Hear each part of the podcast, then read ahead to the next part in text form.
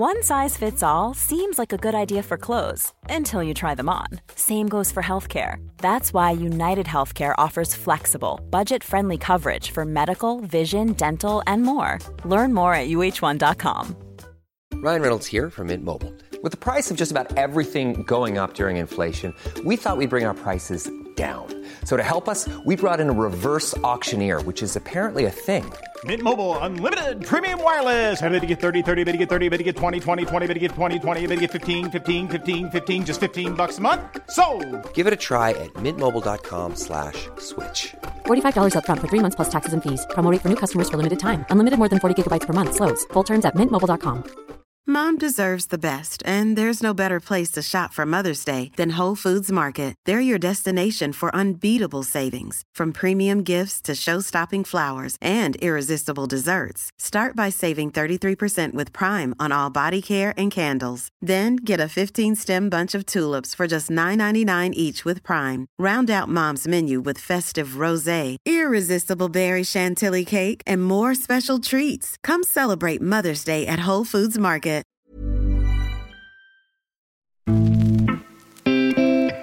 Och så sport nu och först valet till ny ordförande i Svenska Fotbollförbundet. Nu står det klart att det är den före detta statsministern Fredrik Reinfeldt som ska leda svensk fotboll framåt. På gårdagens årsmöte så valdes han till ordförande med 143 röster mot Lars Christer Olsson eh, som fick 111 röster. Reinfeldt har valts över en mandatperiod på två år och efterträder Karl-Erik Nilsson som suttit på posten sedan 2012. Noah Bachner har under de senaste åren gjort sig ett namn som reporter och krönikör för Expressen. Nu släpper han en bok om hur den svenska modellen med medlemsägda föreningar sticker ut i en förändrad fotbollsvärld. I podden pratar vi om den svenska föreningsdemokratin och om Bachners kritik mot processen och valet när Fredrik Reinfeldt blev ordförande för Svenska fotbollsförbundet. Jag var negativ till att det pågick en kampanj där vi visste väldigt lite om vad kandidaterna hade för visioner och idéer om hur svensk fotboll skulle utvecklas i en tid som jag upplever är kritisk, liksom, där vi har stora utmaningar. Och vi talar om de nya amerikanska ägarna som har intagit den europeiska fotbollen. Hur detta kan få en stor påverkan på hur fotbollskartan kommer att ritas om framöver. De spår en extrem kommersiell tillväxt för den europeiska fotbollen. De tittar på NFL och tänker att det här är världens mest kommersiellt säljbara produkt med ett publikunderlag på 350 miljoner personer. Den internationella fotbollen har en miljard publik, vad kan det vara? 5, 6, 7 miljarder? Jag vet inte. Den är underutvecklad kommersiellt. Men vi går även in på Bachners numera ansträngda relation till favoritlaget Newcastle United som köptes av Saudiarabiens investeringsfond häromåret. Jag kände en kort stunds lättnad över att Mike Ashley var borta därför att han hade blivit en, en väldigt problematisk figur i mitt liv. Eh, men eh, det, var, det var ju liksom därefter som att någonting tog slut egentligen. Det, det, det, jag kan inte riktigt eh, Även om jag skulle vilja acceptera att det är på det här sättet. Podden är naturligtvis mer än det här. Vi pratar bland annat om vad det är som gör att Sverige har halkat efter både Norge och Danmark i utvecklingen. Om hur de svenska klubbarna ska göra för att nå mer långsiktiga framgångar. Och så talar vi om vad som är en äkta supporter och att balansera journalistik i en förändrad medievärld. Men som vanligt börjar vi podden med en faktaruta.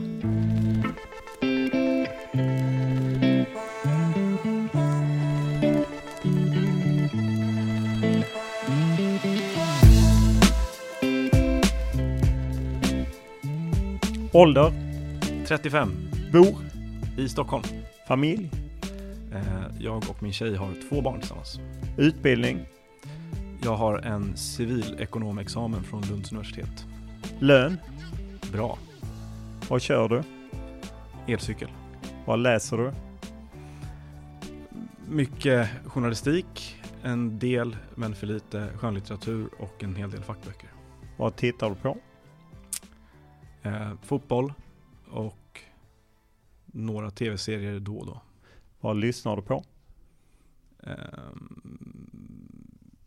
ganska mycket. Just nu lyssnar jag bara på Le Big Bird faktiskt. Vad spelar du på? Eh, jag spelar på Stryktipset med eh, mina två polare Mange och Berra varje lördag. Vi snittar åtta rätt ungefär. Vilken är din största fotbollsmerit? Jag satt på bänken i division 3 med Värtans IK 2008 kanske. Fick inte hoppa in. Vad klassar du som den största upplevelse du haft i fotbollssammanhang? Alltså mitt mest euforiska ögonblick som eh, fotbollskonsument, eh, eller vad man ska kalla det för, är när Newcastle vann borta mot Doncaster Rovers våren 2010 och Andy Carroll gjorde matchens enda mål med en liten stund kvar. Jag stod i borta klacken. Vilket är ditt favoritlag, eller dina favoritlag och varför? Alltså svaret på den frågan är nog fortfarande Newcastle United eh, i någon mån, men inte alls på samma sätt som tidigare. Så det är lite komplicerat, men ska jag säga något så måste jag säga det. Jag håller på mitt eh, eget division 5-lag här i Stockholm också, Ljungbackens IF. Vilken regel vill du ändra på? Eh, jag vill att VAR skalas ner. Vem är tidernas främste spelare? Eh, Lionel Messi. Vid vilka tillfällen ljuger du? Eh, emellanåt för mina små barn. Vad var du bäst på i skolan? Svenska och engelska. Om du måste byta jobb från att vara journalist, vad blir det då? oerhört bra fråga. Lärare kanske? Eh, om du ska lyxa till i tillvaron, vad undrar du dig då? McDonalds. När eh, grät du senast? Eh, vi fick barn här för bara tre veckor sedan, så det var då. Grattis! Tack!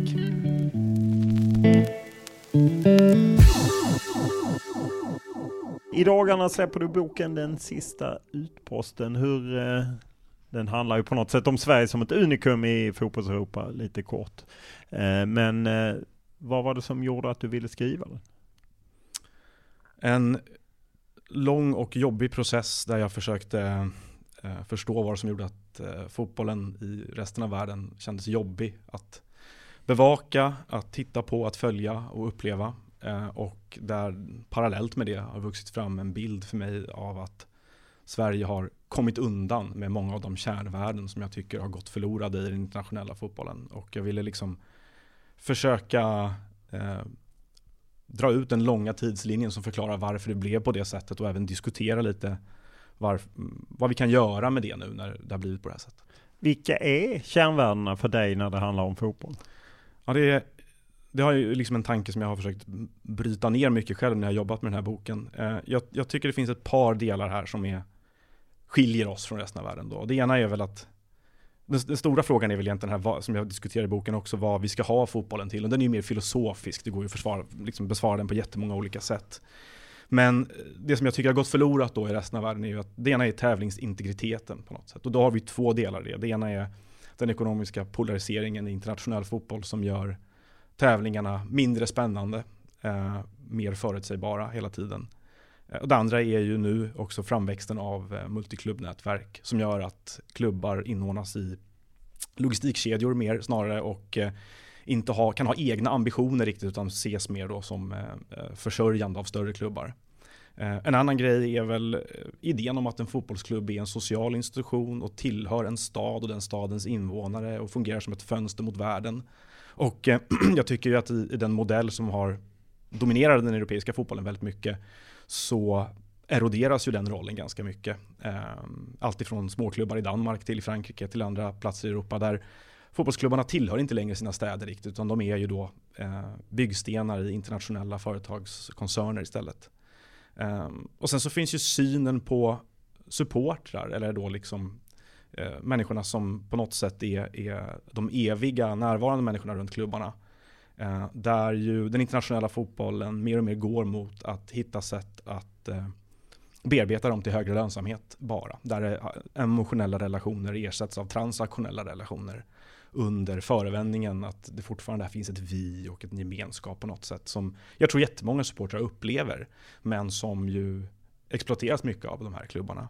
Ehm, så, så det är väl de bitarna i, synnerhet som jag tänker på. Eh, du skriver ju när man läser baksidestexten och, och så, så är det ju på något sätt att, att du beskriver som att många utanför Sverige saknar ju de här grejerna. Många supportrar är det naturligtvis.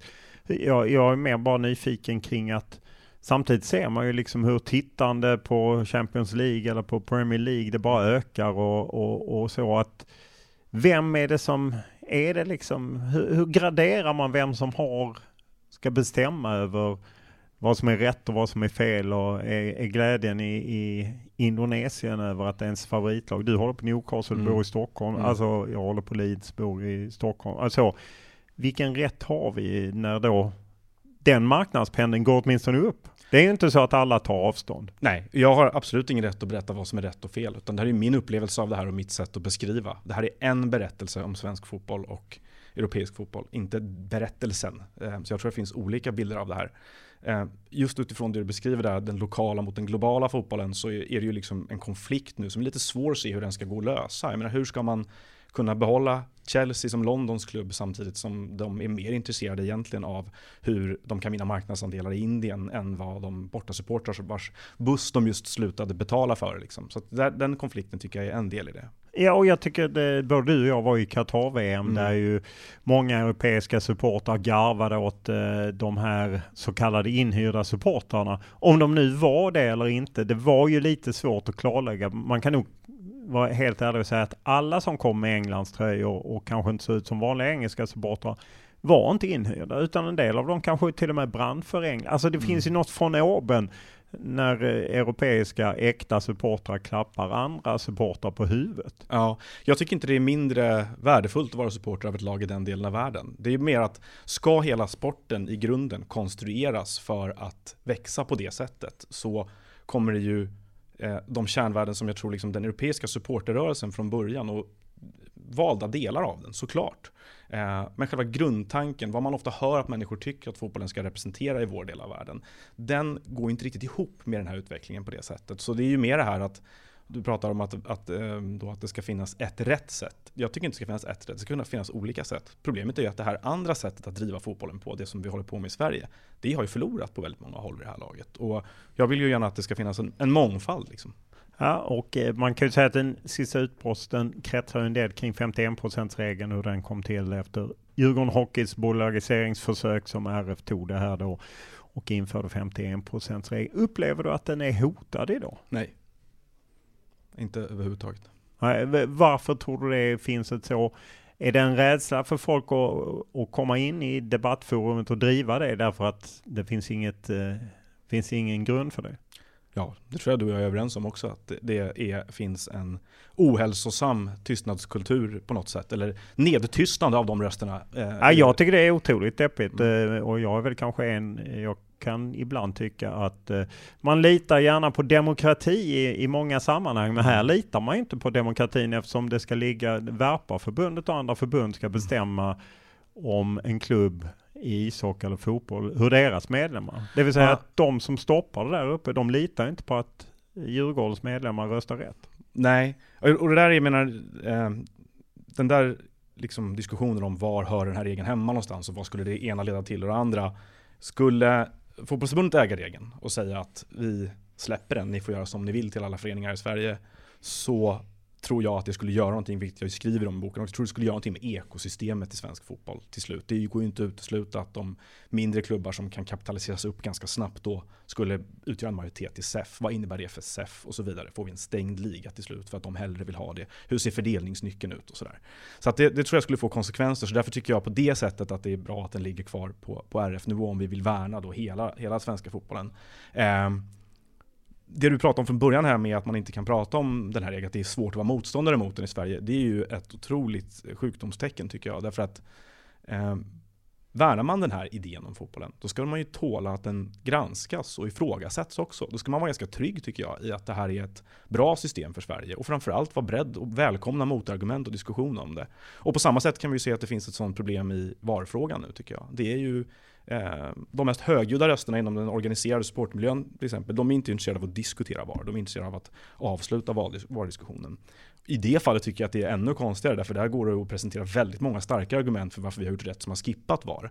Så där borde man ju mer än någonsin välkomna debatt. Så det är ju liksom en del av det här som jag upplever är väldigt underutvecklat i vår demokratikultur i fotbollen. Ja, om man då stannar vid 51 regeln eh, utan att jag vet var Fredrik Reinfeldt stod i frågan innan han valdes, så var det ju väldigt tydligt att alla eh, på något sätt, eller väldigt många, jag ska inte säga alla, väldigt många klistrade på honom att han kommer driva den här utvecklingen mm. mot, alltså det tycker jag är lite okunnigt eftersom det ligger på RF-nivå och det finns det är väl över 70 specialförbundet, så att, att han skulle lyckas med det är nog rätt liten chans. Men också att man klistrade på honom det, mm. utan att han hade sagt någonting. Och lite så känner jag att det blir lätt kring 51%-regeln.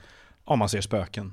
Eh, det upplever jag också. Man tror att människor med den agendan eh, smyger sig in i fotbollen och, och, kommer förstöra det här inifrån. Och det, i hans fall så har han ju inte yttrat ett ord som får, skulle få honom att tro att han har en sån ambition. Och som du säger, rent tekniskt är det omöjligt för honom. Eh, om man säger att det, ser du faran snarare att eh, Djurgården, Hammarby, Malmö skulle eventuellt liksom för de är väl kommersiellt mest intressanta, de stora klubbarna. Ser du faran snarare, om vi nu i, i utopiskt skulle leka tanken, att någon går in och tar en division 2-klubb och tar upp mm. den istället? Är det det du ser som faran?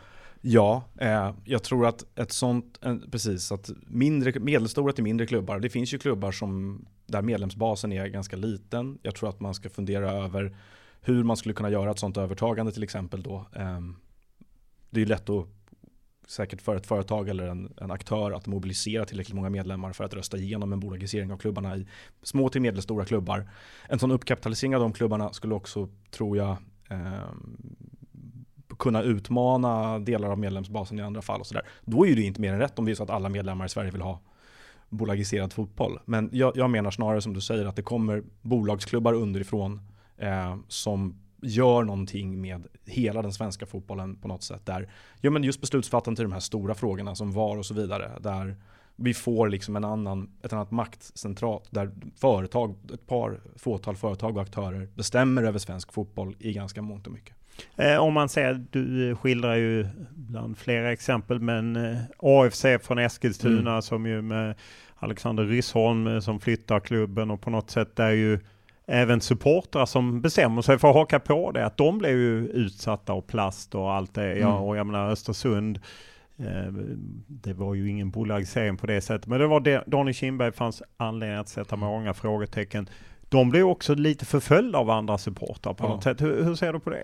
Att det är ju ett av många väldigt aktivistiska, lite militariserade uttryck som finns i supportermiljöerna. Ehm, jag tror inte man ska lura sig själva att det är majoriteten av alla som står på ståplats som förföljer de här klubbarna. Men det är klart att de blir ju attackvänliga därför att de symboliserar då den här fotbollen som vi i Sverige har valt bort. Och jag upplever ju, vilket jag försöker beskriva i boken också, att från 2013 egentligen när den här frågan då ju avgörs till slut efter många års diskussion så blir ju den här en så viktig symbolfråga. Och det gör ju att bilden av att någon utgör ett motstånd mot den eller ett hot mot den eller en antites till den Eh, skapar ju starka känslosvall och ibland uttryck som är ju såklart är helt oacceptabla. Jag menar det som händer med de här, som jag beskriver, de här killarna i bussen när AFC möter IFK Göteborg borta. Det är ju det är svårt att påstå att det är ett agerande i linje med föreningsdemokratiska värden om det är det man ska stå upp för på något sätt. Då. Men som symbolfråga är det ju rätt tydligt vad det handlar om. Eh, I boken så eh, lyfter du bildandet och, och sen SFSUs arbete, Tony Ernst, Toll och de är ju många som har dragit olika eh, strån till den stacken, inte minst när de skickligt liksom stoppade ju 51 regel, eller åtminstone tror jag informerade, för jag tror som du beskriver i boken, de flesta orkade inte kanske sätta sig in i 51 regeln och, och hur det stod och vägde och så. Men hur viktigt var supporternas arbete och att de blev en organiserad motkraft? Min bild efter att ha pratat med många av dem som drev frågan där och då, på båda sidor egentligen, även de som fanns in i SEF, eh, Bosse Lundqvist och, och Bosse Johansson som betraktade det här från olika positioner är ju att eh, vad de gjorde var ju ett medvetandegörande om vad det här handlade om till syvende och sist. Och även att man lyckades få specialförbunden som inte var fotbollsförbundet att förstå frågan i grunden och ifrågasätta motiven. Men även det här då, den stora liksom propagandan från fotbollsförbundet som jag upplever under den här perioden som ju är intressant, alltså att man går ut stenhårt med att fotbollen är enig. Man vill inte bjuda in till någon vidare debatt eller diskussion kring det, utan man, man meddelar egentligen rakt upp och ner. Och att de gör de här publiceringarna på sin egen hemsida och så vidare, där man försöker liksom borsta bort utrymmet för diskussion. Sådär. Det är ju i mångt och mycket de här personerna runt grundandet av SFSU. Anders Almgren tror jag är den som jobbar åt båda håll allra mest som jag upplever. Han är ju, bearbetar ju både specialförbund... Numera på Enable jobbar han ju. Ja, jag nämnde inte alla som du nämnde. Nej, precis. Ja, nej, men han, han, han är ju då, kommer från IFK Göteborgs supporterklubb Änglarna. Um, och har ju redan börjat själv skriva opinionsbildande liksom, texter om det här ämnet innan SFSU bildas och den här frågan växer sig väldigt stor. Så han, han, han har ju förstått mekanismerna inom det svenska idrottens system på något sätt. Och det tror jag är liksom väldigt viktigt påverkansarbete för att, för att hela svenska idrotten ska ta i frågan och diskutera den mer öppet snarare att det var, liksom, det var lite i det, i det dolda, att vad motiven var och varför det här var bra. Och de här utredningarna som ju kritiseras väldigt mycket och remissvaren det, det, syns ju där också att det här är inte riktigt genomtänkt. Liksom. Nej, och framförallt så min upplevelse som ju jobbade vid den tiden, att mm. det skedde väldigt i det var även om man la ut det på sin hemsida, det var inget man gjorde några stora eh, grejer av, utan eh, på något sätt var det som att man bara åkte med eh, och de, fle de flesta tror jag inte eh, Eh, i klubbar och bland supportrar reflekterade inte ens kring det hela. Men tycker du den modell Sverige har idag med liksom RF har makten, att, tycker du den är den man ska fortsätta med? Kanske inte. Eh, alltså jag, jag, vet inte riktigt hur, hur, man skulle strukturera det istället. Men jag upplever att vi har ett stort moderniseringsbehov av vår idrott i Sverige på många sätt. Inte minst kulturellt, alltså hur vi hanterar våra demokratiska funktioner. Jag tycker inte att de jag, jag tycker att det finns en underutnyttjad potential i att vi har kvar demokratiska strukturer. Men att vi borde ju kanske fundera över hur det ska organiseras framöver. Och där, där har jag såklart inte svaren. Men, men eh, det känns emellanåt föråldrat, segrörligt och eh, som att eh, viktiga stora frågor inte riktigt når ut. Liksom. Det är ju lätt, även när man läser din bok, att det är ont och gott på något sätt. Mm. Det är svart eller vitt eh, i, i den här kampen. Vilken sida står du på? Jag är genomgod. Det borde ja. framgå. Nej, jag, jag, eh, jag, den är ju tesdriven den här boken. Alltså det är en tesdrivande bok där jag försöker synliggöra de stora liksom, strukturella bristerna i den governance-modell som är förhärskande ute i, den, i världsfotbollen.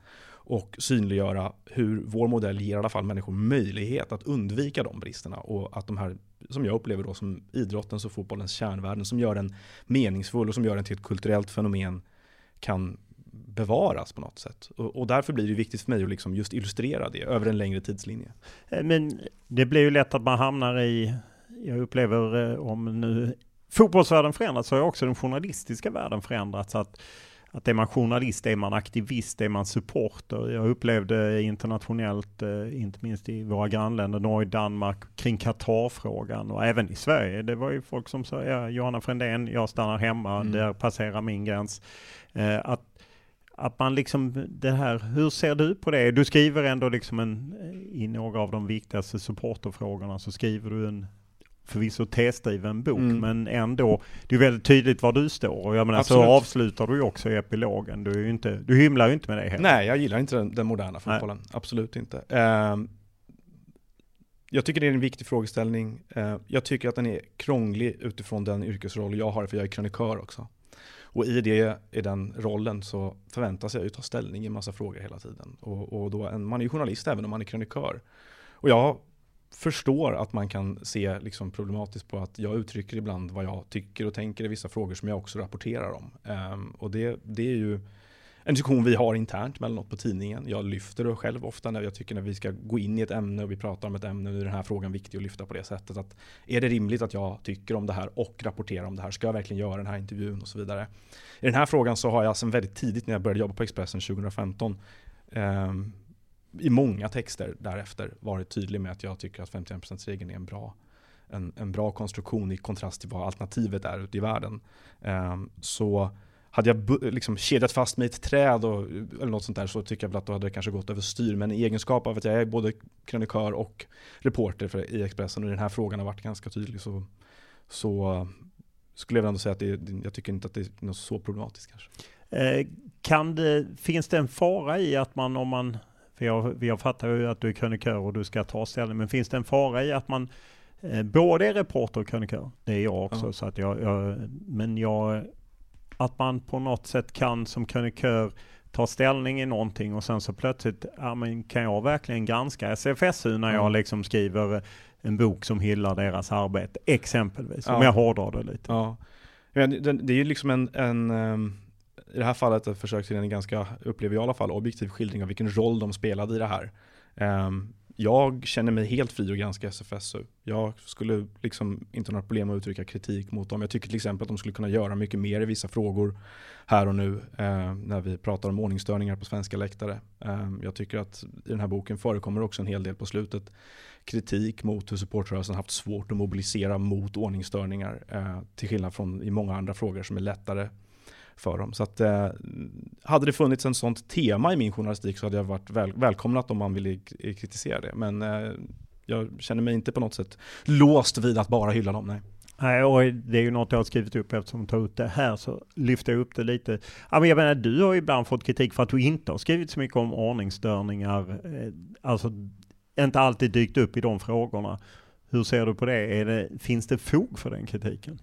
Eh, jag vet inte vad, vilken kritik du Nej, menar. Jag vet att du har haft ett eh, Twitter-utbyte med bland annat Patrik Ekwall om det. Att eh, du, jag tror i och för sig du skrev att du var på semester eller något liknande. Han frågade varför jag var tyst en gång, då var ja, jag på semester. Ja, ja precis. Ja, men det, det, det, är första gången det når dig. Eh, ingen annan har uttryckt det till mig nej, så. Nej, okay. eh, jag har skrivit rätt mycket om ja. ordningsstörningar. Både i, i, i, nu tror jag i två års tid framförallt varnat för den här eh, eskalerande trenden efter pandemin. Så att, eh, vad, vad, vad tycker du att supportrarna kan göra mer? För att vi kan kritisera polisen med all rätt, eh, mm. Eh, särskilt efter de bilder vi har sett senare. Men om, du, om vi börjar med supportrarna, vad kan supportrarna göra mer? Vad kan SVS göra mer? För jag tycker aldrig jag hör dem i ordningsstörningssammanhang. Men Nej. jag hör dem väldigt ofta kring VAR, 51%-regeln eller om eh, villkorstrappan.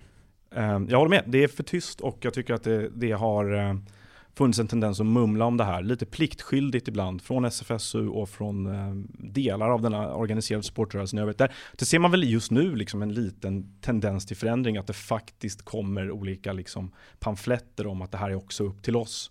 Eh, men eh, jag tycker att liksom, man måste också kunna vara mer inåtblickande i det här och eh, jag förstår att det är svårt med civilkurage om det står personer på samma kortsida som man själv står på, att man ska ställa sig i vägen för dem när saker och ting händer. Men det går också att mobilisera och sända ganska unisona, tydliga budskap tror jag. Och framförallt också liksom försöka vara mer aktiv i det här normbildande arbetet som alla säger är jätteviktiga, jätteviktigt. Och det, det saknar jag ju lite grann. Eh, om vi tar fotbollen i stort så mm. kunde vi ju se klubbar, eh, tröj, de kom ut med tröjor där de stöttade supportrarna. Du tar själv upp i boken det här brevet som Pontus Jansson drog igång. Mm. Mm. Ola Toivonen och många skrev under, liksom på något sätt var väl nästan alla i slutändan mot eh, polisen kring eh, villkorstrappan. Men vi ser ju inte samma manifestationer kring våld på läktaren eller oroligheter eller om det nu bara är det här fåtal som alltid ställer till med jävelskap. Mm. Eh, så borde man ju ganska lätt kunna bli av med det fåtalet. Nu vet väl vi att det kanske inte är ett fåtal, men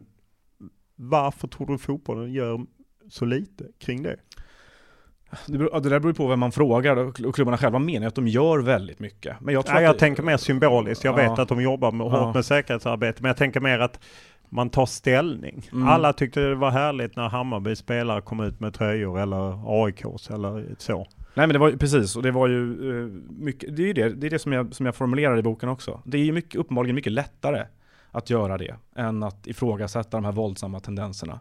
Uh, och jag tror att det behövs ett skifte i det på något sätt. Att uh, värnar man den här frihetligheten och kulturen som vi har i Sverige på något sätt så måste man ju också med trovärdighet kunna, för att det blir ju och jag vet att det här är liksom en grej som jag sett att Enable diskuterar nu också, att det blir ju svårt att med trovärdighet uttrycka sig i andra frågor om man inte klarar av att ta avstånd från det här. Alltså det blir lite principlöst på något sätt. Så att jag efterfrågar absolut en mer högljudd, eh, högljudd eh, vad ska man kalla det för, motreaktion mot de här problemen. Och framförallt eftersom vi har liksom, de upprepas ju just nu hela tiden. Tror du att de går att lösa? eh, Nej, men jag tror att effekterna av de här tendenserna går att minimera. Alltså, det, vi behöver inte ha det som vi har det nu, det tror jag inte. Eh, du skildrar ju också villkorstrappan, hur, hur den växer fram efter ett möte på Foresta och sen liksom greppar in i, i fotbollen. Varför tror du det är så lätt för fotbollen att samlas kring en sån sak? Att man är ju väldigt skickligt eh, får ihop alla att gå samma håll kring mm. villkorsrabatt. Precis som kring 51%-regeln. Jag skulle vilja säga att man jobbar likadant kring vad. Vad är det som gör att man kan samlas kring det? Um, ja, det är en bra fråga. I just villkorstrappan-fallet så tror jag att man rätt snabbt kunde centrera hela argumentationen kring ett par ganska bra argument. Alltså det var ju, som jag också försöker beskriva där, att polisen såg ju rätt tidigt ganska isolerad ut i att det här var logiskt och det här gick att försvara.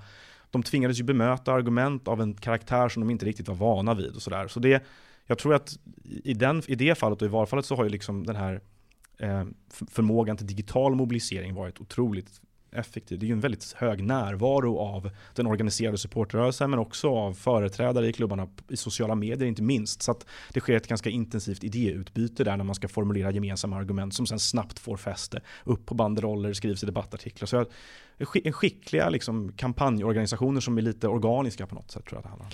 Ja. Då borde de ju kunna använda det även Ja, jag håller, med dig. jag håller med dig. Eh, om man eh, ser till polisen och jag menar man såg eh, hemska bilder även fall de är svårt att exakt veta när man bara ser dem på sociala medier. Men från eh, Helsingborg, Landskrona supportrar fick stryk och det var ju nu även senaste derbyt eh, på Odenplan och ingen vet, i varje fall jag vet ju inte vad som hände före eller efter eller så. Men hur, hur ser du på att vi skildrar polisens arbete? Ja, det är ju ett av oerhört många liksom, nya bevakningsområden för en fotbollsjournalist som jag upplever. Det vet jag kan du svara bättre på som har jobbat längre än vad jag har. Men eh, att bevaka Polismyndigheten har ju liksom varit en, en eh, och försöka förstå eh, dem och förstå var deras gränser och logiken för deras beslut och deras taktiker och så vidare.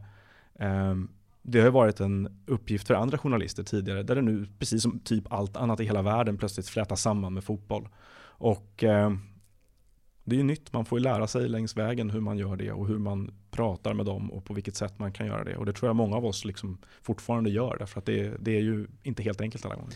Eh, om man upplever den, för du skriver om det, bilden av supportrar, att den mm. kanske varit negativ, kanske lite mindre negativ i, idag eller åtminstone mer nyanserad, upplever åtminstone jag att den är. Hur tror du att supportrarna kan eh, bidra till att den ska bli än mer nyanserad? Jag tror att en, ett, ett stort steg på vägen mot att vinna ännu högre trovärdighet är just det vi pratar om här nu. Att man har förmåga mer till självrannsakan när det finns destruktiva element som eh, tar sig fram. Men också att jag tror att eh, de äger, alltså vi pratar om medlemmar och supportrar här och det är ju i stor utsträckning samma sak. Sen kan man ju mena då att jag tror inte att alla medlemmar som aktiv, är aktiva på årsmöten är aktiva i den aktiva supportermiljön. Men det här är ju ägarna av våra fotbollsklubbar och jag tror att en, en, ett ännu större erkännande av dem som aktör i svensk fotboll på något sätt skulle hänga samman med ett mer aktivt ägandeskap över fotbollen och vissa frågor i fotbollen. Där som jag också försöker diskutera här. Att jag, jag menar, man, man har ju lyckats ta kommando över vissa frågor, som framförallt värdefrågor och, och, och designat svensk fotboll under rätt lång tid nu. Men jag saknar fortfarande en ännu större aktivitet när det gäller strategifrågor och den styrningen av våra fotbollsklubbar och styrningen av vårt förbund. Vad vill vi med svensk fotboll egentligen? Där det finns starka åsikter men ett begränsat engagemang när man väl har möjligheten att, att, att påverka. Eh, du skriver ju bland annat om det Simon Strand, eh, känd aik skrev ett upprop och fick en väldig, det var väl 932 i Solna gymnasium eh, på årsmötet och det var liksom ett exempel på vad det, vad det, kan vara. Men på många ställen är det ju inte så många och, och jag menar även, jag gissar att AIK har många gånger fler medlemmar än så. Hur ska man göra för att få fler att engagera sig? Ja, det ligger, konstigt nog tycker jag att det ligger i klubbarnas intresse. Alltså, det är ju, ja, min upp, övertygelse är ju att en bredare insamling av idéer och förslag till hur fotbollsklubben ska utvecklas kommer gynna den i längden. Liksom. Eh, det bedrivs ju liksom medlemsrekrytering, men det måste ju göras mycket mer. Det tror man måste lägga mer pengar på det. Och då kan man fråga sig var de ska komma ifrån. Ja, då kanske det är liksom en fråga, är det en politisk fråga? Ska liksom eh, man satsa pengar från politiken på att vi ska rekrytera fler medlemmar till vår idrott, till våra idrottsföreningar i Sverige?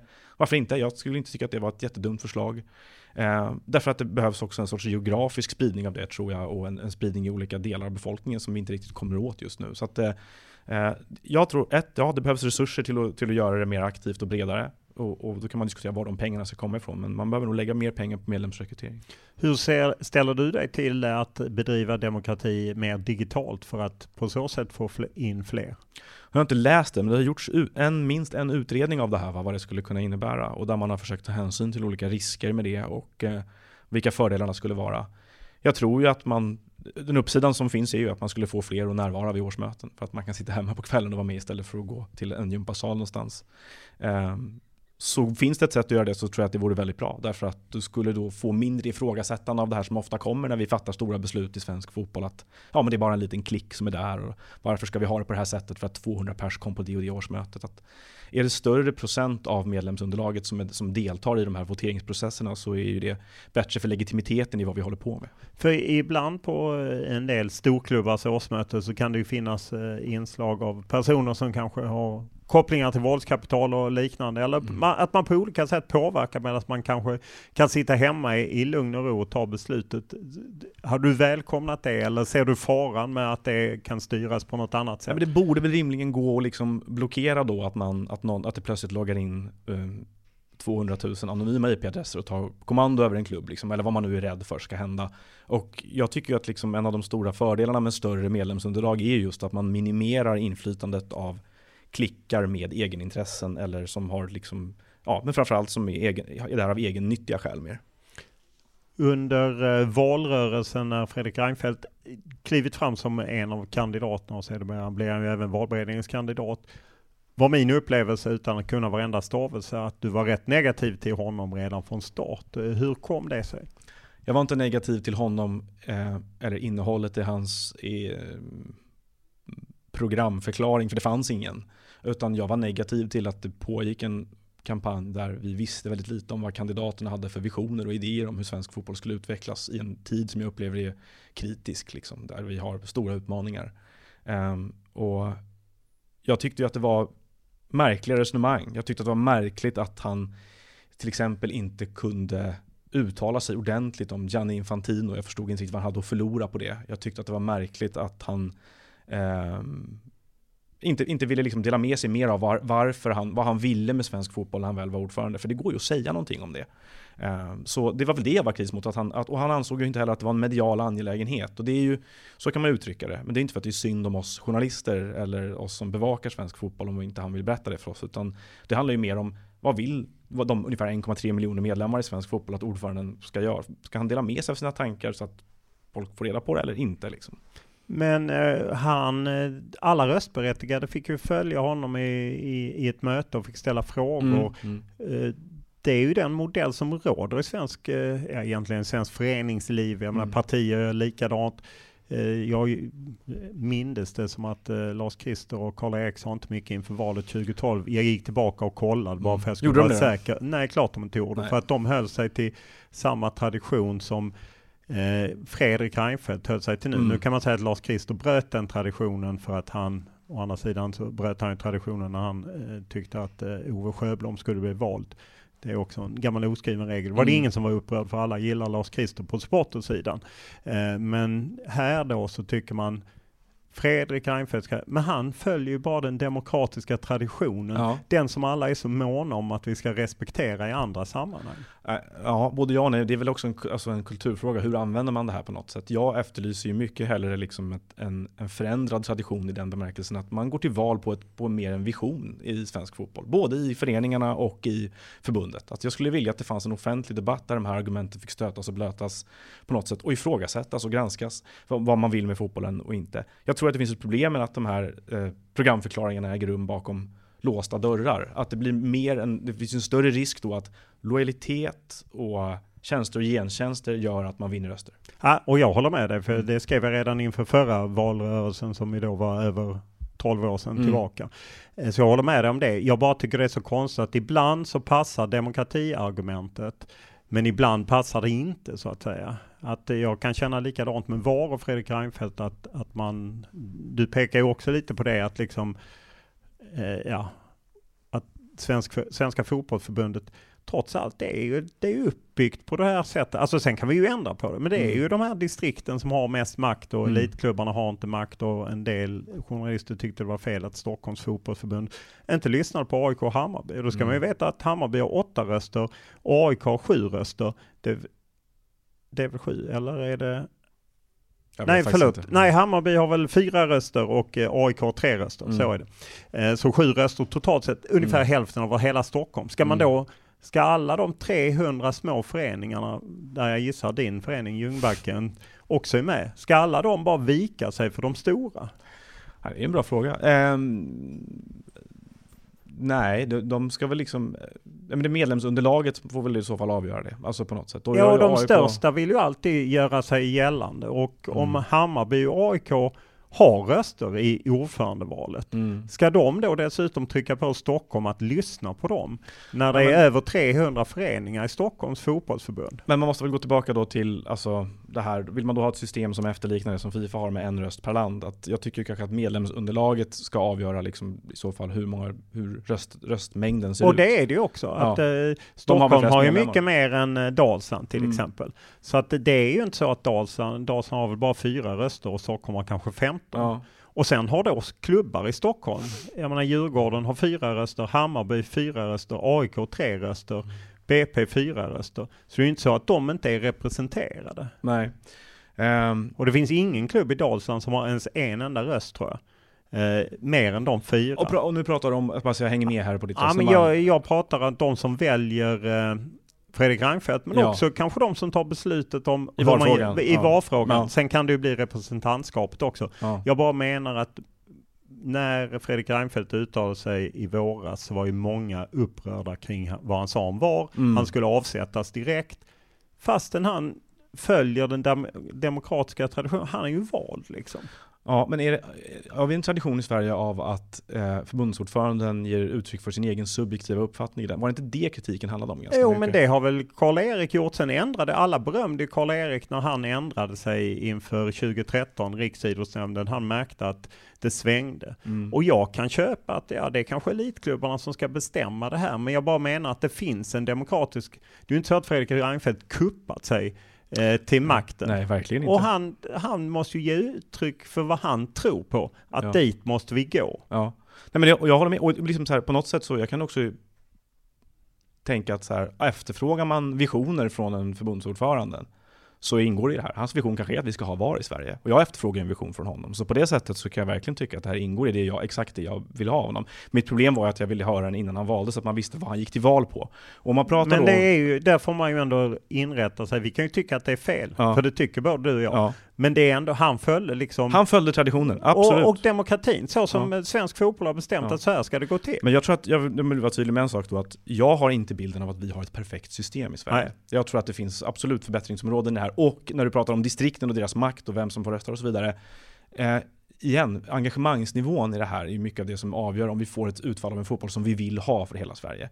Jag tycker inte om när det blir att en stor, en stor liksom sport, Sveriges största sport, en stor folkrörelse får en fotboll som egentligen ingen tycker om besluten i. Då finns det något fel i beslutsvägarna. Eh, så därför på det sättet så tycker jag att det är upp till alla medlemmar i Sverige i sådana fall då att göra, liksom, påverka både distrikt och föreningar i den riktning man vill.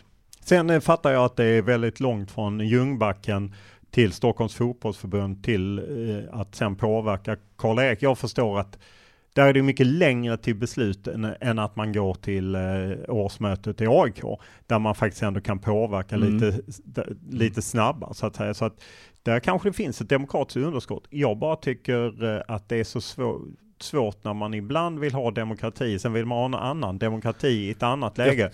För man vill bara ha fram sin egen vision. Jag tror du har, jag tror du har en bra poäng i det. Att det, liksom är, det, det, det, finns ju många exempel på det här när det, när det passar väl vald åsikt. Men jag tror ju liksom rent överlag bara att, sådär, att det blir svårt att argumentera emot. Och hade man vetat att det fanns liksom ett, en en bra nivå av engagemang från medlemmar i Sverige och en spridning av medlemmar igen. Jag tror liksom också att vi ska inte lura oss själva att det finns stora områden i väldigt liksom fotbollstäta städer och inte minst förorter i Sverige där folk inte är engagerade i föreningarna på något sätt. Så att en fotboll som representerar fotbollen i Sverige, den går ut på att vi når ut och får medlemmar och får engagemang. Så att för mig hänger mycket av, många av de här frågorna skulle få sin egen lösning och då kan man också börja diskutera modellen för, då kan man diskutera hur vi fattar beslut på ett annat sätt. Men då måste den också angå alla.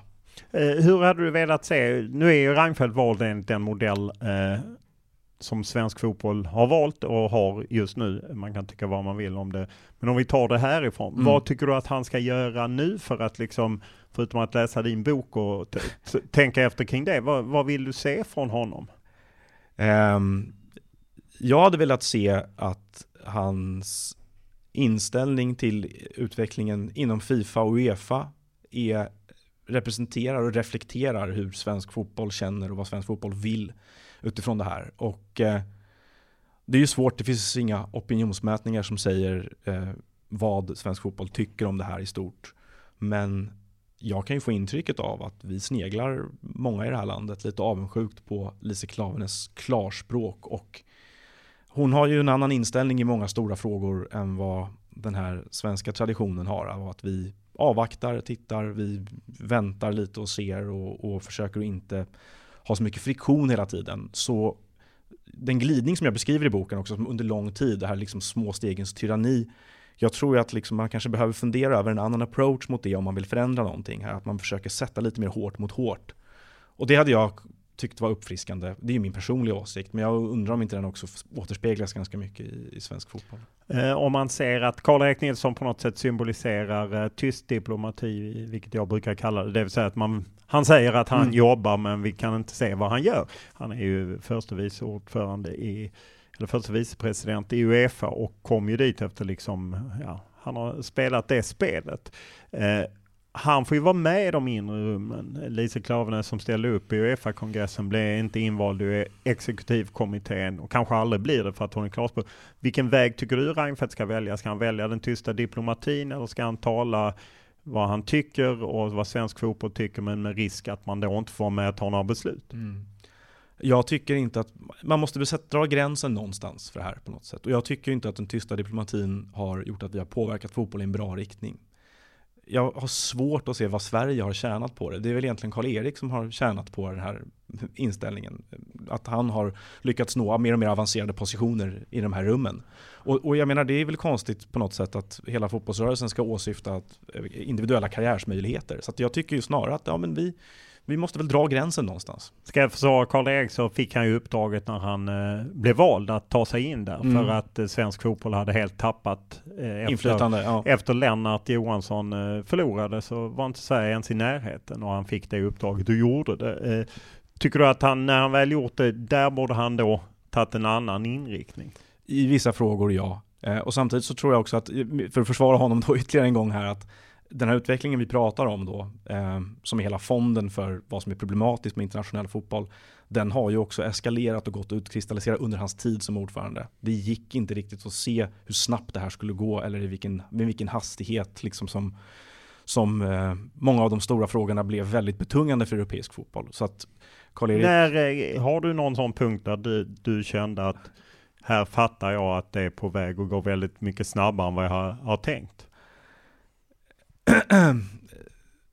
ja, jag tror att det är, det, är, det, är under, det är under en period, men det är mot slutet av 2010-talet där jag, jag har ju, mitt problem har ju varit Newcastle United under väldigt lång tid. Det har varit som ett förstoringsglas på mycket av det som har hänt. Och eh, som jag ju beskriver om Mike Ashleys ägandeskap av klubben där som ju gick ut på marknadsföra ja, en butikskedja egentligen. beskriver i boken hur du får en en dräkt eller en tröja av eh, din mormor och morfar ja, som är i Newcastle och du är åtta år och får en tröja och då hinner man då har man svårt att analysera alla följdverkningar ja, exakt, av, exakt. av, det valet. Nej men och, och, den, och den, den upplevelsen av det från nära håll skapar en dålig känsla i mig med åren. Eh, att någonting inte funkar och någonting är fel. Och jag har ju väldigt svårt att göra mig av med tron på att det här kommer bli bra igen och jag kommer känna alla de här känslorna igen och tycka om fotbollen på det här sättet. Så att när, när eh,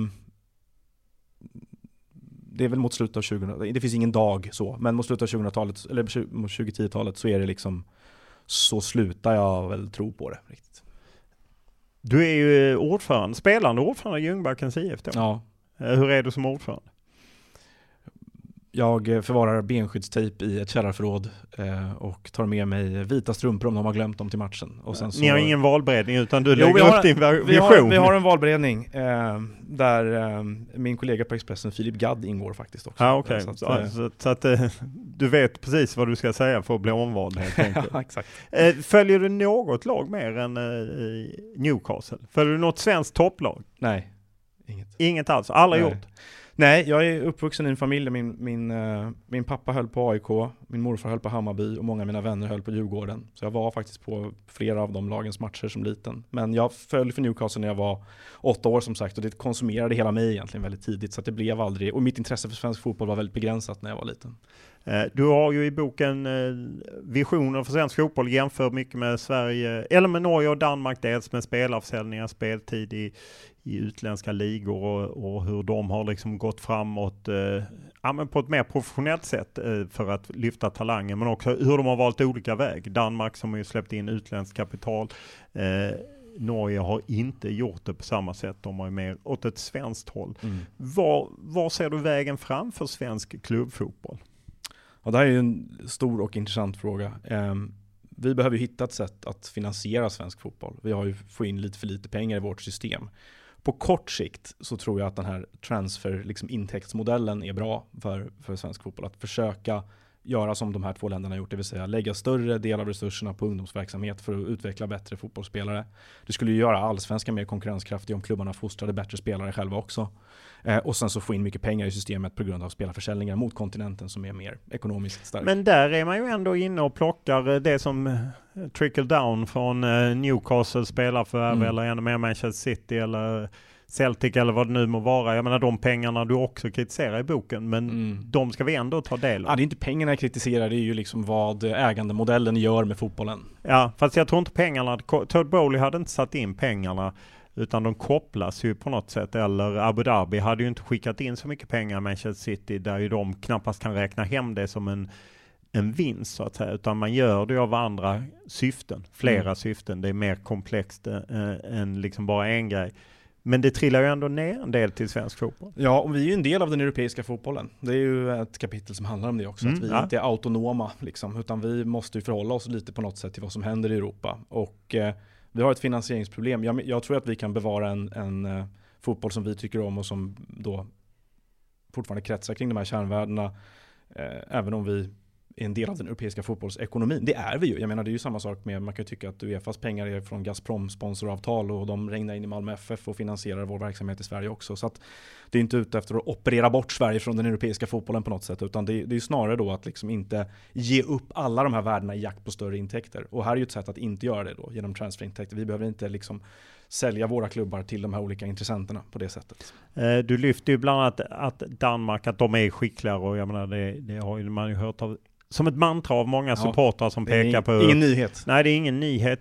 Tror du att det, det är så enkelt bara att det handlar inte liksom om att de är mer affärsdrivna och kanske har andra ägare som jag menar, Malmö FF ska inte ge någon avkastning mer än SM-guld och liknande egentligen. Eh, medans Nordsjälland ska ju liksom skicka upp lite pengar och det vet ju alla vi som jobbar i företag där de hela tiden skruvar på olika kranar för att ägarna vill ha mer avkastning. Tror du inte det blir ett annat driv i danska klubbar?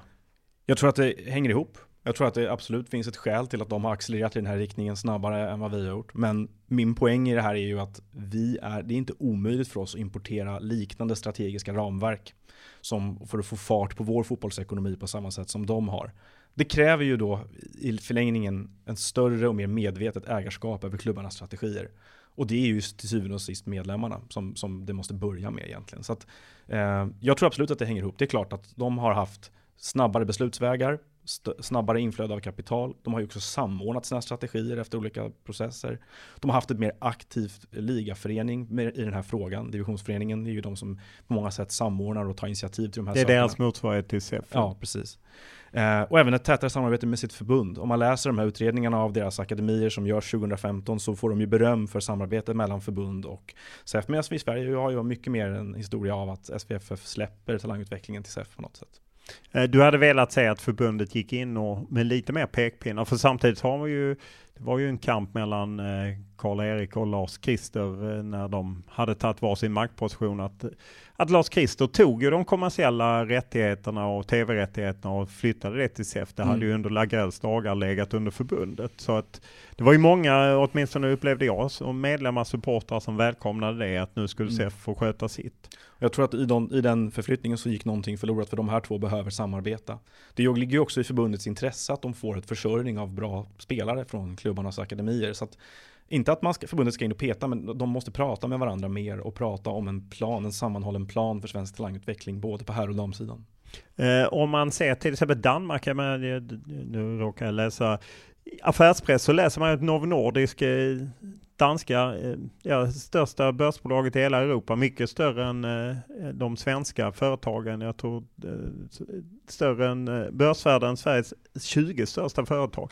Alltså det finns ju ändå någonting, jag som har vuxit upp nära danskar, det finns ju något affärsdrivande, ett handelsfolk, inte mycket tillgångar, naturtillgångar som vi har haft. Att mm. de har, ja, förhandlar med en dansk så kanske du köper det att det, ibland så tycker jag bara att man lutar sig för mycket mot att det är strategier och liknande. De är skickliga på affärer. Du tror att det finns en kultur av någonting? Ja, min bild är att det finns en kultur mm. och om man frågar folk som gör affärer mot Danmark så tror jag att man skulle få medhåll kring det. Mm. Kultur är ju föränderlig. Jag menar liksom i så fall att jag tror inte att vi behöver ge upp tanken på att vi kan bli framgångsrika i samma grenar som de är bara för att de har en annan histor- näringslivshistorik. Liksom. Men det kan säkert ligga någonting i det du säger. Men om man tänker sig att eh, medlemmarna blir ännu mer aktiva och driver på. Det är ju ändå mm. så att man behöver anställa skickliga människor som styr och, mm. Och de kanske inte, ja, min bild är att kanske Bosse Andersson eller Daniel Andersson eller Stefan Andreasson, de gör kanske inte bästa affärer för sina klubbar om 10 000 hänger på dem och vill ha den spelaren, den spelaren. För min bild är att supportrar är rätt kortsiktiga. De vill ha de bästa affärerna, de vill ha de bästa spelarna, ja, allt helt enkelt. Det här är verkligen en fråga om, om långsiktighet som en ersättning för kortsiktighet. Och det är ju monumentalt svårt opinionsmässigt att mena på att vi gör den här investeringen i den här träningsanläggningen nu eller vi anställer tio ungdomstränare till vårt U17-lag i år istället för att låna hem Edvard Chilufya. Ja, det kommer ju gå sådär om du kommer sjua liksom. Så det är ju, och då behövs det ju långsiktighet i omställningen också. Då kanske man inte kan göra allting över en natt i de här klubbarna. Och jag tycker ju generellt att det finns en rätt intressant tid nu när vi pratar om starka sportchefer, starka män i svenska elitklubbar som ju har varit Eh, ganska personberoende. Det går ju att koppla eh, framgångsvågor i många av de stora klubbarna i Sverige till enskilda personer som har varit extremt betydelsefulla. Det har varit jättebra för de klubbarna under en period. Men det är också så att vi går in i en tid med mer datadriven scouting, med mer liksom data som underlag för beslutsfattande. Mer processdrivna organisationer. Vi ser ju Elfsborg som är på väg mot eh, en, en, ytterligare en bra säsong nu som har haft en väldigt brant kurva uppåt. Jag upplever det som en ganska processdriven klubb på många sätt. Mycket dataunderlag i det de gör. Ehm, att ehm, jag tror att vi liksom är, vi kanske på sikt här får se en ersättning av den modellen för att driva fotbollsklubbarna. Att de här liksom personerna som du pratar om då eh, kommer eh, kommas ihåg för, för massa bra arbete men att eh, de klubbar som är drivna på ett mer modernt sätt då kommer, kommer ha stor framgång. Ja, hur, hur mycket struktur tror du om Henrik Berggren och Bosse Andersson lämnade Djurgården nu? Mm. Hur mycket struktur finns kvar där? Inte jättemycket. Tror jag. Alltså ja, det är min bild av Djurgården, har varit länge att jag de, de har varit ganska personberoende och, och de har haft nu stabilitet under ett par år där ju saker och ting har funkat väldigt bra. Och det är klart, det finns alla argument i världen för att de inte ska ändra på det. Men de borde ju också göra sig redo för en värld efter det på något sätt tycker jag. Hur skyddar man sig? Jag har ju lite koll på Landskrona Boys som mm. har näst yngst eh, spelartrupp i Norden efter Nordsjälland. Eh, I och för sig hoppade ju Erik Edman av, men de hade en väldigt tydlig och säljer direkt och, och Till bygg. Sirius. Ett, ja nu sålde de till Aalborg och Camille mm. till Elfsborg. jag tänkte mest på att det har gått fyra, fem spelare till ja, ja, just det. Ja, nej, många, men nästan alla har ju blivit korsbandsskadade ja. på studenterna. Så att det, det har inte varit bra. Men och där det ju direkt när det går dåligt så kommer ju missnöjet. Att liksom det är fel på den ledaren, mm, det är fel mm. på... Alltså hur, hur utbildar man i så fall medlemmar, supportrar? Och går det ens? För jag menar både du och jag har ju varit supportrar, att man kan vara frustrerad. Varför köper ja. de inte den? Varför köper de inte den?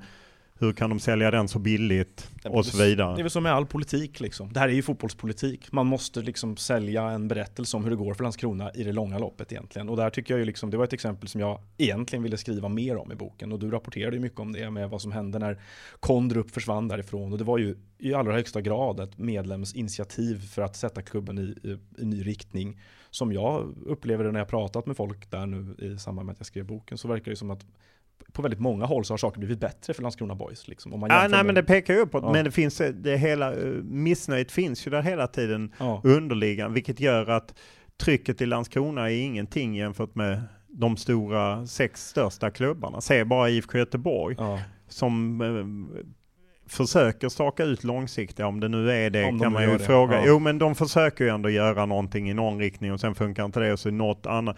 Alltså att tålamodet alltid inte är så stort. Nej det är ju inte det. Men jag menar, det är det jag menar med att det här, är- det här är liksom en politisk utmaning på något sätt för svensk fotboll i stort. Att man, man behöver övertyga fler och fler människor. Dels om att man har makten att förändra själva, för jag tror att det ligger något värde i det också, att känna att de här strategiska förändringarna kommer från de som är medlemmar. Men, men också att, eh, att eh, vi behöver också framgångsexempel. Det finns ju inte så många klubbar som har bettat på den här modellen som kan visa upp en, ett SM-guld hittills. Skulle Elfsborg vinna så ska man ju tänka sig att det kan fungera som en referenspunkt för andra föreningar också. Men Malmö FF, ta, de, de har ju ändå vunnit och har ändå Mm. kommit tillbaka. För jag menar det är väl bara 12 år sedan de var i ekonomisk armod och sen har de ju rättat upp sig. Det var väl delvis Håkan Jeppsson, delvis kanske Lars-Christer Olssons utredning av, av klubben som gav det fundamentet att styrelsen pekar ut strategin, tjänstemännen jobbar med strategin och att man på något sätt ska lämna ja, tjänstemännen i fredet då. Det Mm. klarar ju inte alla supportrar naturligtvis för att man ändå vill på, påpeka det. Men känner du inte att det är en modell som alla kunde följa efter eller är de för stora? Ja, men det, det är väl, där har vi ett bra exempel på att man ger någon mandat att jobba med någonting över längre tid. Ehm, och, och dessutom att det fanns en långsiktighet och en tydlig rollfördelning. Och det är som du säger, det här är mer organisatoriskt exempel, det är ett processdrivet exempel. Eh, och på det sättet så, så är det det jag efterlyser mer då, att det tror jag skulle kunna ge funge, mer fungerande modeller långsiktigt som både höjer intäkterna på sikt men också kanske då ger bättre sportsliga resultat. Så MFF är ju intressant på det sättet. Sen finns det ju andra saker att diskutera med Malmö FF, hur de har förvaltat sina pengar över tid. Liksom att där, där man kan fråga sig hur långsiktiga investeringarna har varit. Jag drar mig ju tillbaka mycket till exemplet med laget som vann 2013. Det är ett jätteungt lag, massa spelare som blir landslagsspelare. Och som sen när Men de, då hade de inga pengar. Nej, men när, de, när det slaget säljs så ersätter man det över tid med äldre och äldre spelare och mer färdiga spelare. Och det där är liksom för mig ett, så här, ett, ett felslut på något sätt, ett, ett, en, nästan en tankevurpa. För det är, du kan, till allsvenskan så kan du köpa en spelare för ett, en viss summa pengar och betala honom en lön eh, på en nivå som är, som är allsvensk. Men i allsvenskan kan du också fostra en spelare och få honom att spela för ett allsvenskt lag på en Bundesliga-nivå. Om man då menar då, säg att Hugo Larsson startade för Frankfurt här i helgen. Ja, då kan vi prata om honom som en startspelare i Bundesliga. när Han spelade i Malmö FF för en kvart sedan.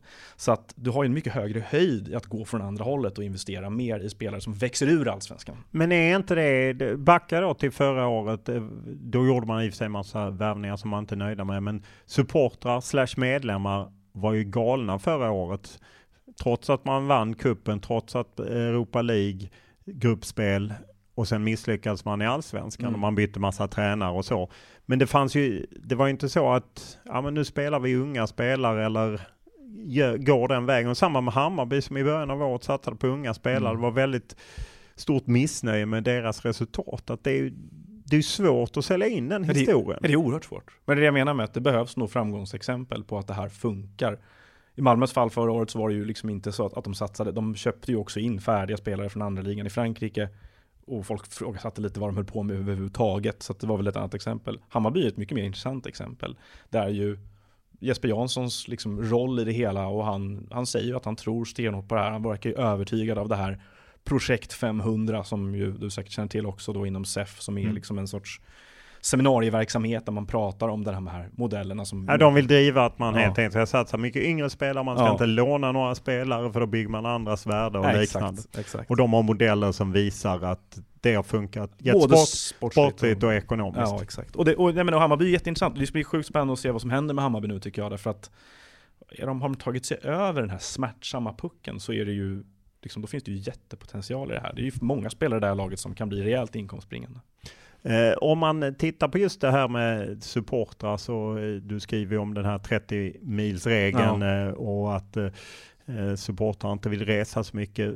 Där kan jag, nu sitter jag på tv-blogg, eh, nu har inte vi allsvenskan, men jag kan ibland ändå känna att man vill ha mycket betalt i tv-rättigheter men man kan inte koppla ihop det med att om tv-bolag betalar mycket eller ett mediebolag betalar mycket så kommer de vilja påverka och ju mer Mm. de betalar ju mer behöver de påverka för att få tillbaka sina pengar. Ja, och den, det där förslaget är ju en, en sån fråga. Den är ju liksom, hur ska det gå ihop? Alltså det, det är klart att om den träder i kraft, så förvånar det i alla fall mig mycket om inte det påverkar det kommersiella värdet på Allsvenskan som tv-rättighet. Och eh, då kan man fråga sig, vet alla om det som röstar för det förslaget? Är det en, kostnad man vill ta? Ja, men då, då igen hamnar vi i det här, en, vill en, breda, en, bred, en bredare medlemsbas ha det på det sättet? Så det är ju liksom man kom, jag kommer hela tiden tillbaka till det. Om, om, vad säger medlemsunderlaget? Hur stort är medlemsunderlaget? Är det här reflekterande av vad alla vill för någonting? Men vill majoriteten av svenska medlemmar att tv-avtal ska vara värt mindre pengar, vi ska slippa resa på fel veckodagar. Så, så är det väl så. Ja, och en del supportrar är väl åt det hållet att de tycker att eh, de som ser på tv ja. är plast ungefär, eh, medan de som åker är äkta. Och, ja. det där, den diskussionen är ju svår, men just det, jag kan ibland känna att man vill inte se baksidan av det beslut man driver? Uh, just det här förslaget så har jag inte sett så många resonera just Nej. om det där. Men, men så är det svårt att, att, spekulera i. Men, jag, men visst, den avvägningen är ju självklar. Hur uh, följer du Newcastle idag? Sporadiskt. Jag ser en del matcher. Uh, men jag är mycket mindre känslomässigt påverkad av det som händer. Och jag är mer irriterad på saker och ting som händer runt klubben. Jag är irriterad på bevakningen av klubben. Jag är irriterad på från lokala eller internationella? Ja, mestadels lokala. Ja. Jag eh, tycker de har helt och hållet skippat den kritiska aspekten av vad som händer och, och diskuterar inte saker för vad det är.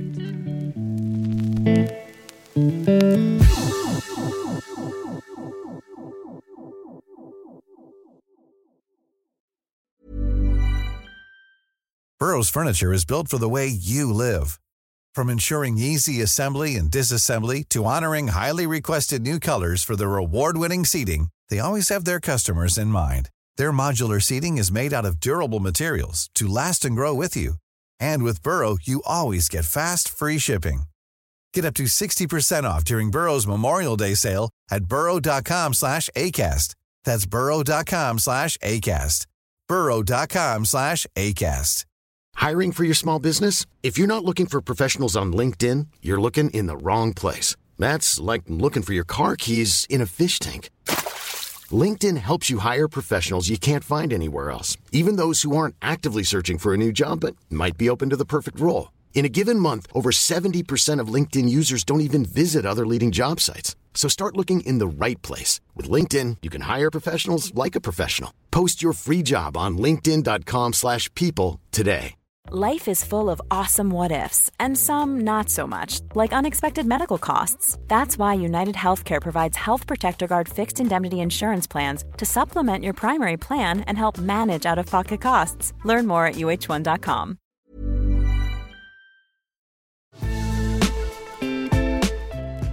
But we start with that huge news coming out overnight from Stamford Bridge. A deal has been agreed to sell Chelsea to the consortium led by Todd Bowley for £4.25 billion. The sale needs to be approved by both the UK government and the Premier League, but the club expects it to be completed by the end of this month. And that's where it goes. Trippier to Tonali. Controls, lifts in a good ball. Botman back across. Alexander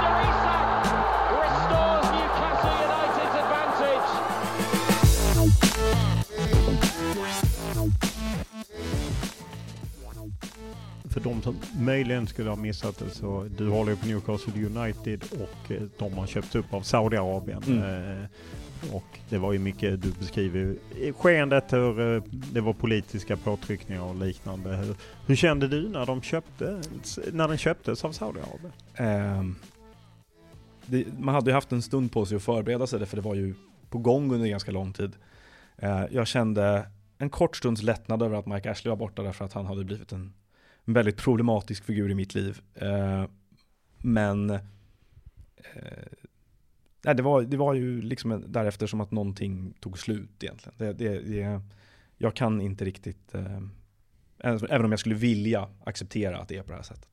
Eh, din bok är ju skriven lite, den börjar ju när du eh, lämnar Qatar-VM, eller mm. kommer till Qatar-VM mm. och på något sätt finns ju det här som en fond hela tiden, den skifte som har gjort med moderna fotbollen och pengarna från de här staterna och du, har ju även, du är ju även i Salzburg, apropå Red Bull och även i Leipzig.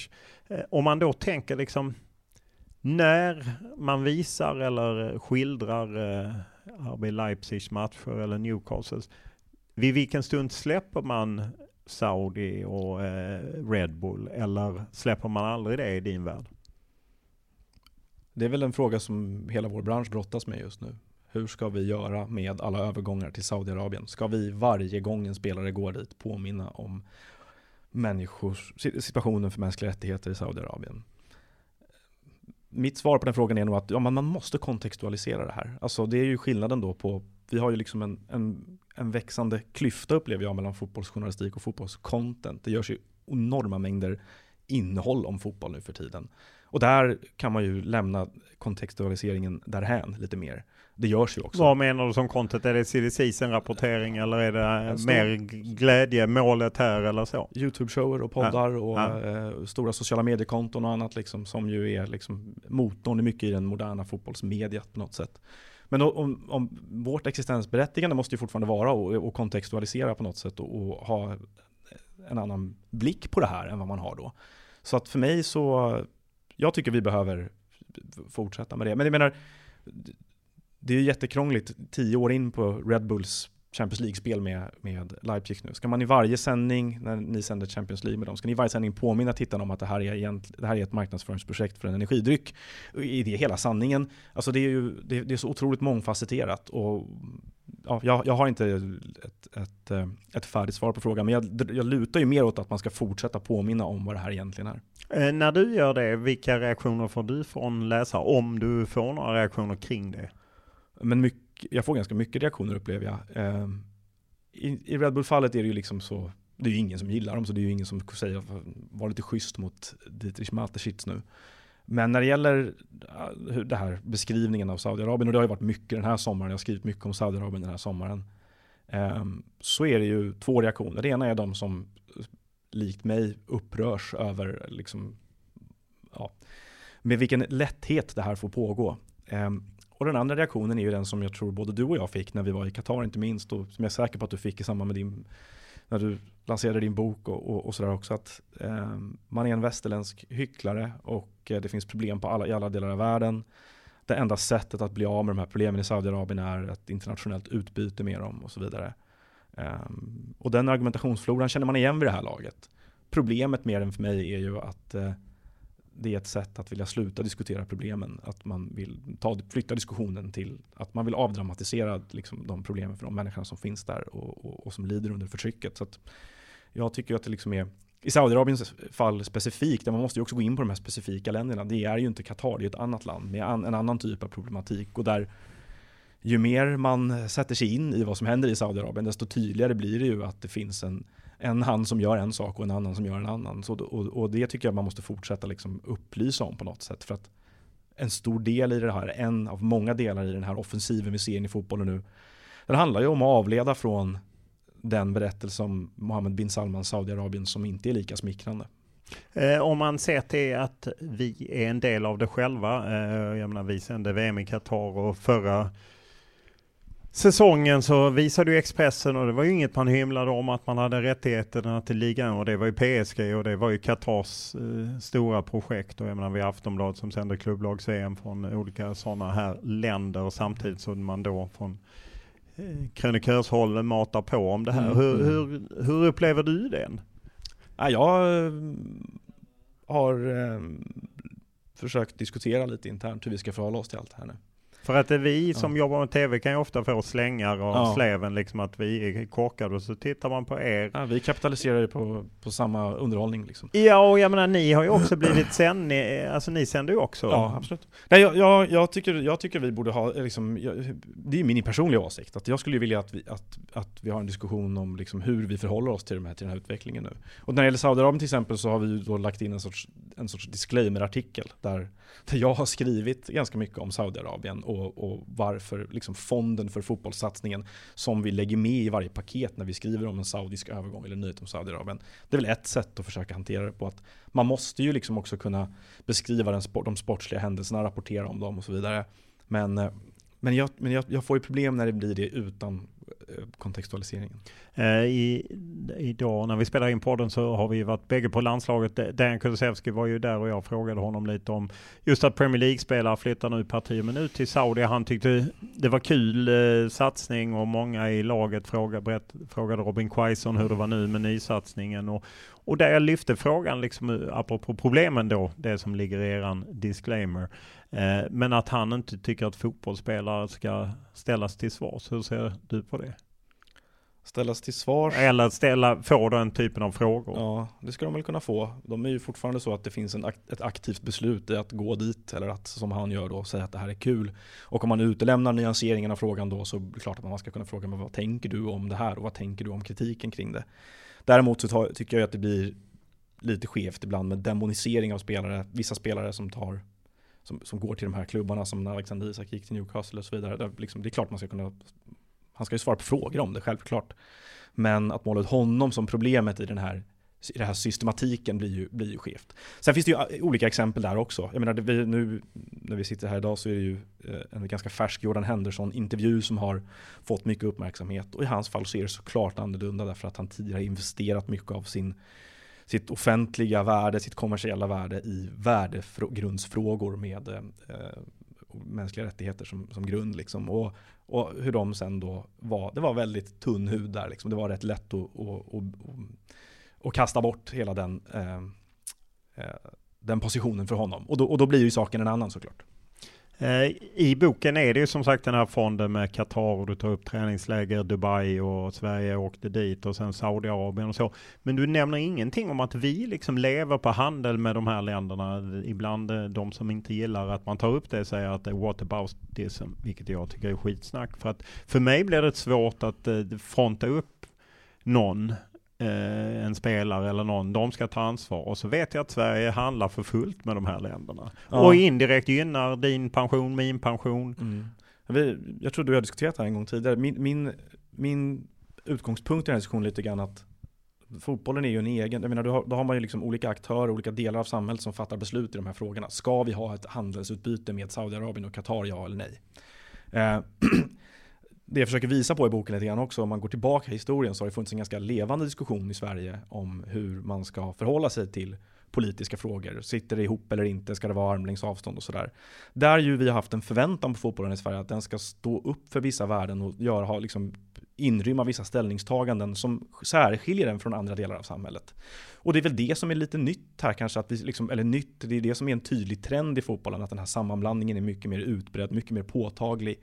Där den, behöv, den kan också stå för någonting annat än vad resten av samhället står för. Och då, då tycker jag liksom att diskussionen blir mer intressant. Men det, tycker du att eh, man kan ha högre krav på Robin Quaison än man kan ha på Volvo lastvagnar? Nej, det är väl ungefär samma sak. Men jag menar, i en fotbolls, ett fotbollssammanhang så... Men kan man liksom hålla det isär så när Volvo lastvagnar bygger eh, den drömstaden Lusail eh, norr om Doha och, och skryter om att maskinerna går jättebra i 50 plusgrader. Kan man hålla isär det? Jag ser ju hellre att det ställs frågor till Volvo lastvagnar också än att vi slutar ställa frågor till Robin Quaison. Ja, jag tycker inte vi ska ställa, sluta ställa frågor. Jag bara tycker att det blir att man kan inte friskriva eftersom vi indirekt, jag menar vi kan, du kan ju flytta dina pensionspengar.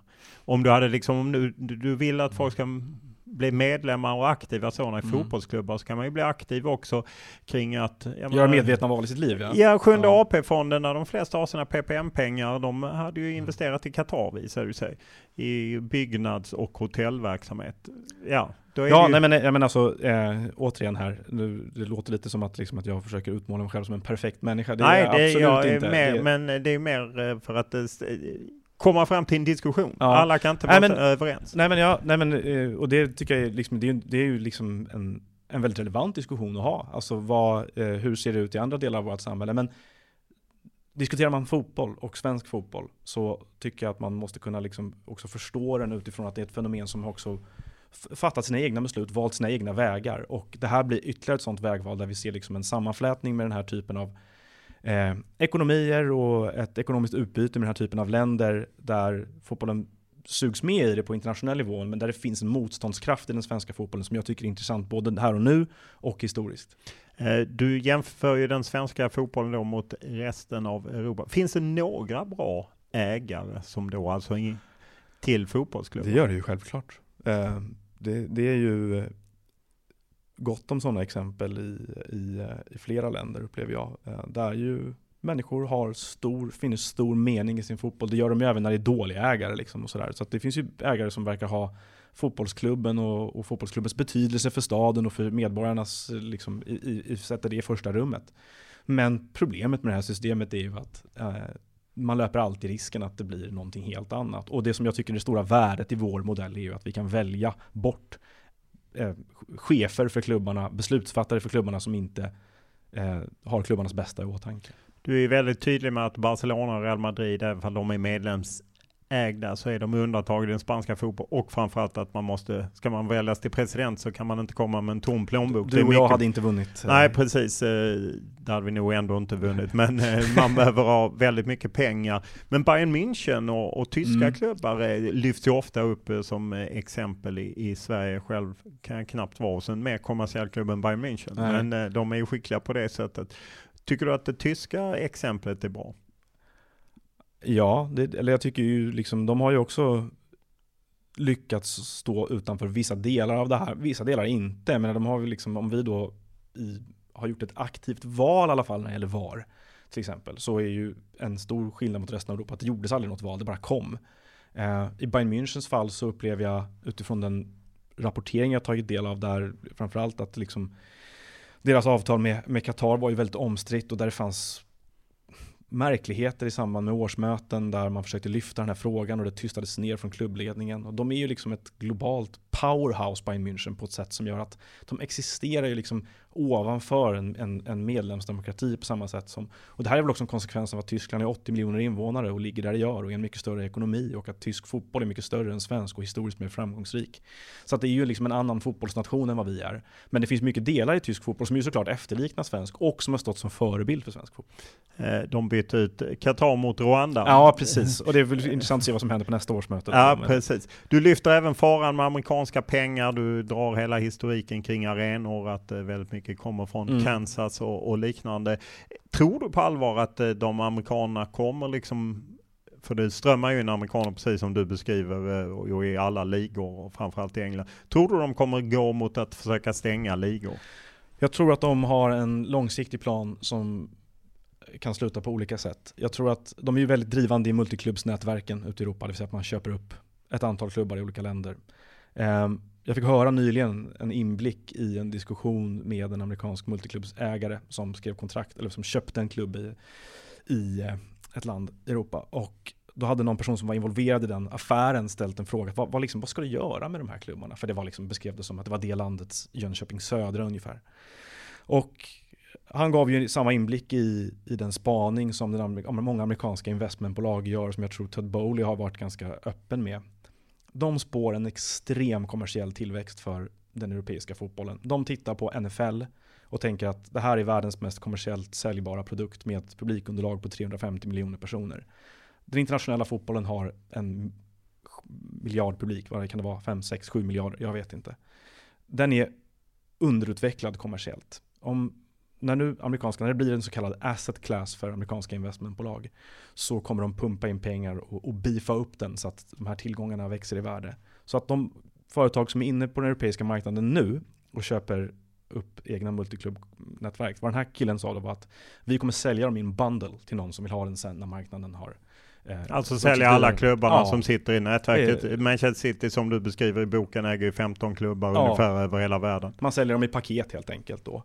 Och jag har svårt att se en annan, jag menar den här konsolideringsgrejen som har börjat nu då att vi har fler och fler koncerner som, eller som köp, som äger fler och fler klubbar.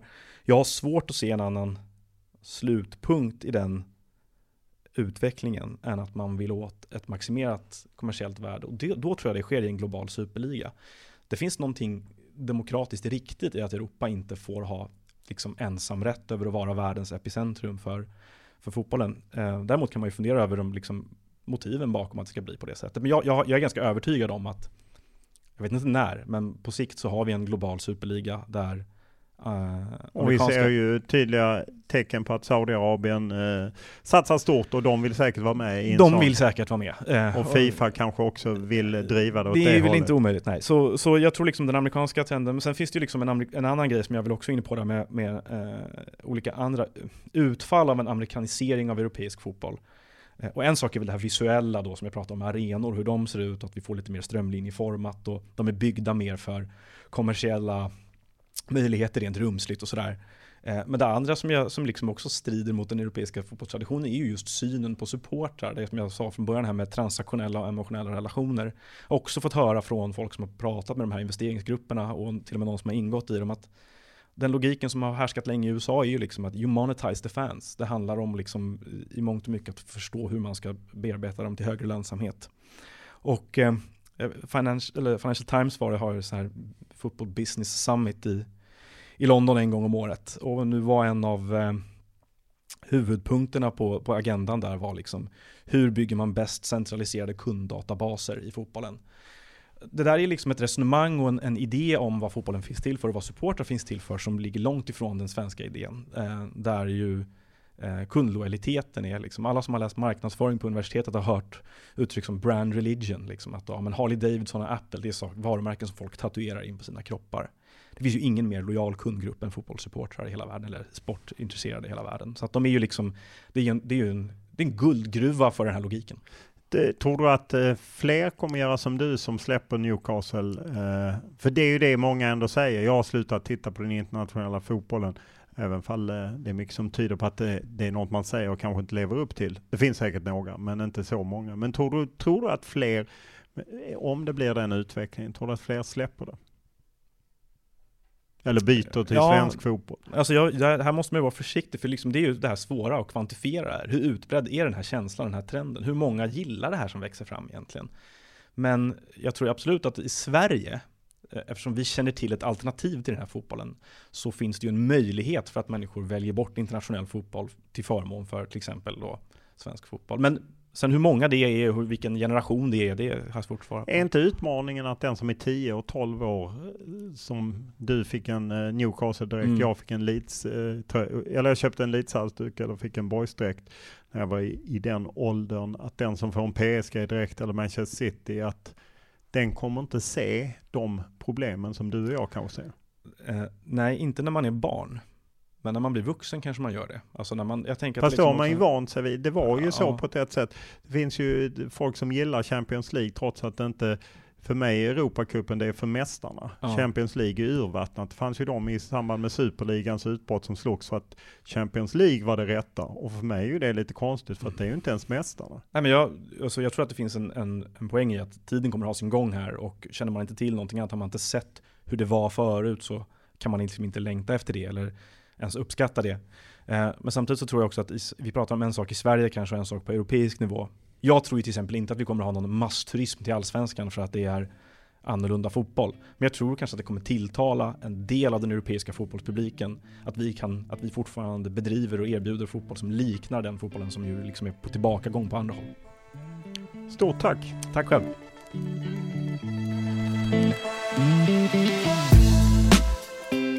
Och den är producerad av Jakob Nalerius och klippt av Daniel Eriksson. Och vi tar gärna emot era synpunkter, tankar, idéer, önskemål eller om det handlar om kritik. Enklast är att mejla mig olof.lund.tv4.se eller så skriver ni till mig via Instagram eller Twitter och då är Olof Lund i ett ord.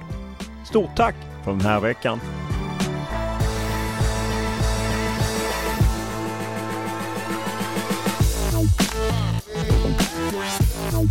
Bye.